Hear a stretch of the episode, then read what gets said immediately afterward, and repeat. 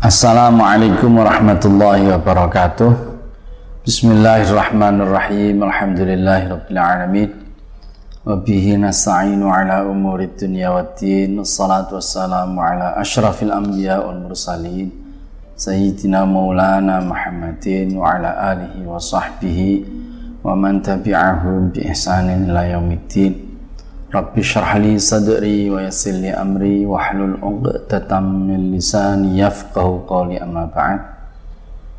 Jamaah Masjid Jenderal Sudirman Kolombo yang saya hormati, alhamdulillah eh, kita bisa bersama-sama melaksanakan puasa Ramadan. Eh, semoga bulan berkah ini kita bisa melaksanakannya dengan baik, dengan tuntas, lancar, dan diberikan keberkahan yang berlipat ganda dari Allah Ta'ala. Saya diminta oleh takmir atau panitia Ramadan jamaah Masjid Kolombo untuk bisa mengisi salah satu materi uh, dalam bulan Ramadan ini dalam bentuk kajian Ramadan dan tema yang diberikan kepada saya adalah antara lain Islam Nusantara. Ya, ini tema uh, luar biasa menarik dan uh, banyak yang barangkali kurang bisa mengerti, belum bisa memahami dengan baik. Oleh karena itu, dalam kesempatan yang sedikit ini, uh, saya mungkin bisa menyampaikan beberapa hal yang semoga dengan penjelasan ini kita bisa memahami dengan lebih baik, dengan lebih jelas lagi. Ya, Islam Nusantara uh, populer di awal tahun 2000-an seperti ini sebenarnya sudah lama. Dan ya ini Islam yang bukan aliran baru. Ini Islam yang sama dengan Islam yang diajarkan oleh kanjeng Rasul Muhammad Sallallahu Alaihi Wasallam. Tentu dengan gambaran atau deskripsi bahwa Islam ini Islam Nusantara Islam ini hanya uh, memotret aspek geografisnya yang berbeda yaitu Nusantara. Ya bermakna Islam ini sama dengan Islam uh, pada uh, asalnya yang diajarkan oleh kanjeng Nabi, diajarkan oleh para sahabat, hanya mungkin pendekatan dakwahnya yang khas Nusantara.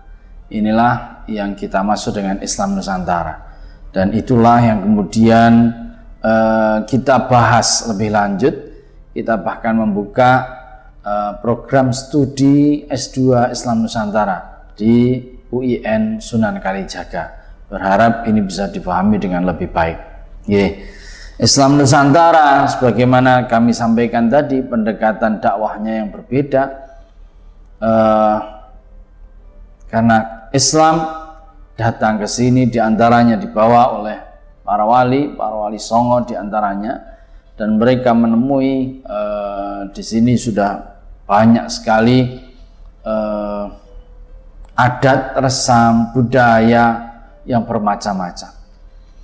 Dan untuk masuk kepada masyarakat, untuk masuk kepada uh, komunitas di Indonesia di Nusantara ini para wali kemudian melakukan pendekatan-pendekatan yang sedikit berbeda, berusaha mencoba mendialektika, mendialogkan, ya, mendialogkan Islam dengan budaya resam setempat.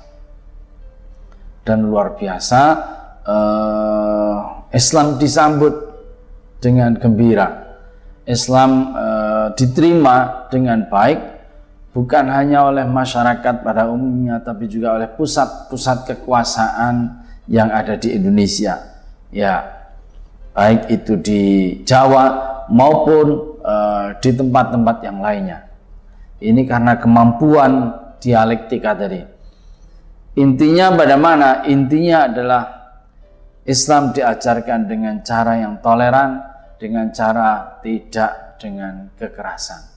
Tentu sama dengan ayat dakwah ya yang diajarkan kepada kita semua. A'udzubillahi minasyaitonirrajim. Ud'u ila sabili rabbika bil hikmati wal mau'izatil hasanati wajadilhum billati hiya ahsan.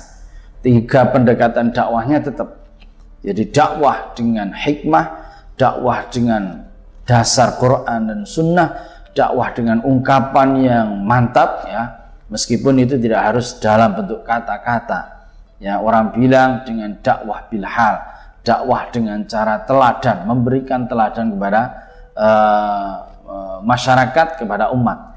Yang kedua, atau yang kemudian kita harus kita tahu dengan uswatun hasanah, dengan teladan yang baik.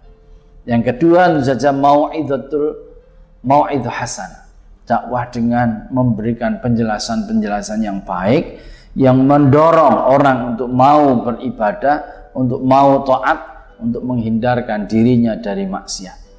Yang ketiga, kalau ada orang yang tidak suka, orang yang tidak berkenan dengan dakwah bilhal, dakwah bil maqal, maka dengan cara mujadalah memberikan perdebatan dan pemahaman yang lebih baik tapi dilakukan dengan cara yang tentu saja ahsan dengan cara yang paling baik. Kenapa? Karena dakwah itu intinya adalah mengajak orang. Dan kita bisa mengajak kalau tentu saja yang kita ajak ya kita berikan pemahaman yang baik ya. Itu saya kira sama. Jadi inti ajarannya sama cuma pendekatannya yang berbeda. Para ulama kemudian membawakan Islam dan mampu menyemai Islam itu diakomodasi dengan adat yang ada. Hari ini kita mengenal ada syawalan, hari ini kita mengenal ada halal bihalal. Itu artinya ya eh, ajaran Islam ditautkan dengan adat kebiasaan masyarakat Indonesia yang senang berkumpul Ya, yang karena itu kita punya namanya uh, syawalan, halal bihalal, yang itu di tanah Arab sendiri bahkan tidak ada. Ya, inilah saya kira uh, Islam Nusantara didakwahkan dengan sedemikian rupa dan itu tidak ada kok, bukan kok tidak ada legitimasi teologisnya. Para ulama mendasarkan mamanya di antaranya al-adah muhakkamah. Adat itu bisa menjadi uh, dasar aturan. Ini adat. Selama itu saja adat yang tidak bertentangan dengan ajaran. Ya. Dan itu dipakai oleh para wali, para sunan ya. Di antaranya oleh Kanjeng Sunan Kalijaga, beliau punya semboyan yang luar biasa ya. Anglaras ilining banyu, angelining ora keli. Bagaimana kita hanyut ikut arus peradaban, ikut arus modernitas, arus ya, kebudayaan, tetapi jangan sampai kita hanyut dengan yang uh, kita ikuti, dengan kita lupa identitas kita siapa. Kita boleh ikut uh, arus modernitas, peradaban, tetapi kita harus tahu bahwa kita adalah seorang muslim, ya kita harus tahu identitas kita. Tidak boleh kita melupakan diri kita sebagai seorang muslim. Ya, jadi inilah uh, saya kira yang kemudian dikembangkan oleh para ulama, para wali dan bukti keberhasilan Islam Nusantara hari ini Indonesia Nusantara kita ini adalah menjadi negara dengan penduduk penganut Islam yang terbesar di dunia. Ya.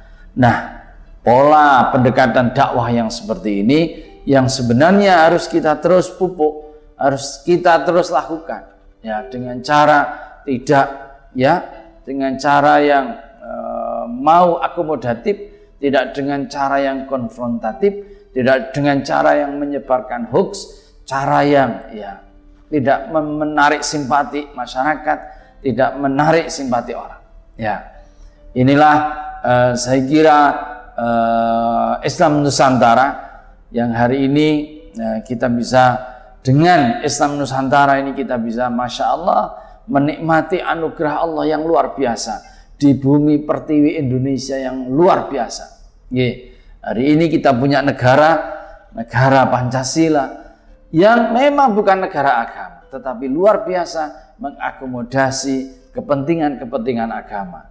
Hari ini kita punya undang-undang zakat, kita punya undang-undang uh, perbankan Islam, kita punya undang-undang tentang uh, wakaf, undang-undang tentang pesantren yang itu betul-betul mengakomodasi apa yang menjadi kepentingan-kepentingan uh, masyarakat kita, masyarakat Indonesia.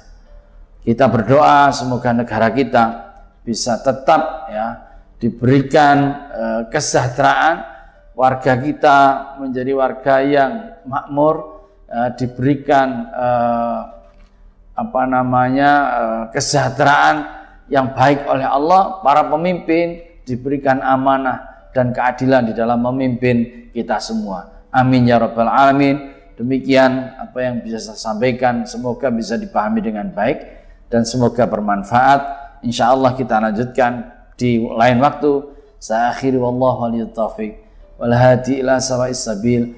Wassalamualaikum warahmatullahi wabarakatuh.